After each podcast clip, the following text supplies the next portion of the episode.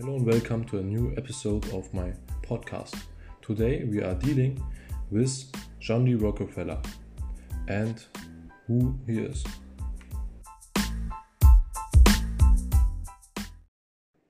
John Davison Rockefeller was born on the age of uh, July 1839 in Richmond, New York. Rockefeller was the eldest son and the second of six children his parents. His parents were William Rockefeller and Eliza Davison Rockefeller. In 1851, John Rockefeller moved to New York with his siblings and parents. In New York, he attended Oswego Academy. After moving to Cleveland and graduating from school, he worked as an accountant. Later, John Rockefeller founded his first company, which was the commission business. Realizing that oil was in high demand in Pennsylvania in the early 1860s, he built his first oil refinery. After two years, his refinery was the largest in the area. In 1870, Rockefeller founded the Standard Oil Company with Henry Flagler.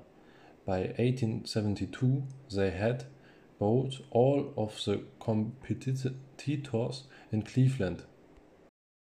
To do this, they de developed shipping routes, railway lines, and pipelines to bring the oil to all cities in the United States of America.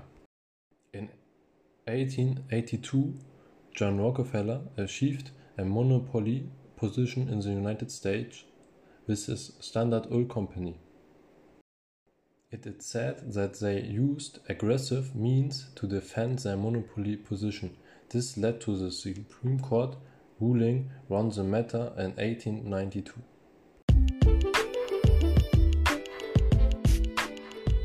At that time, John Davison Rockefeller was said to be the richest person in the world, with an estimated fortune of up to 300 billion US dollars.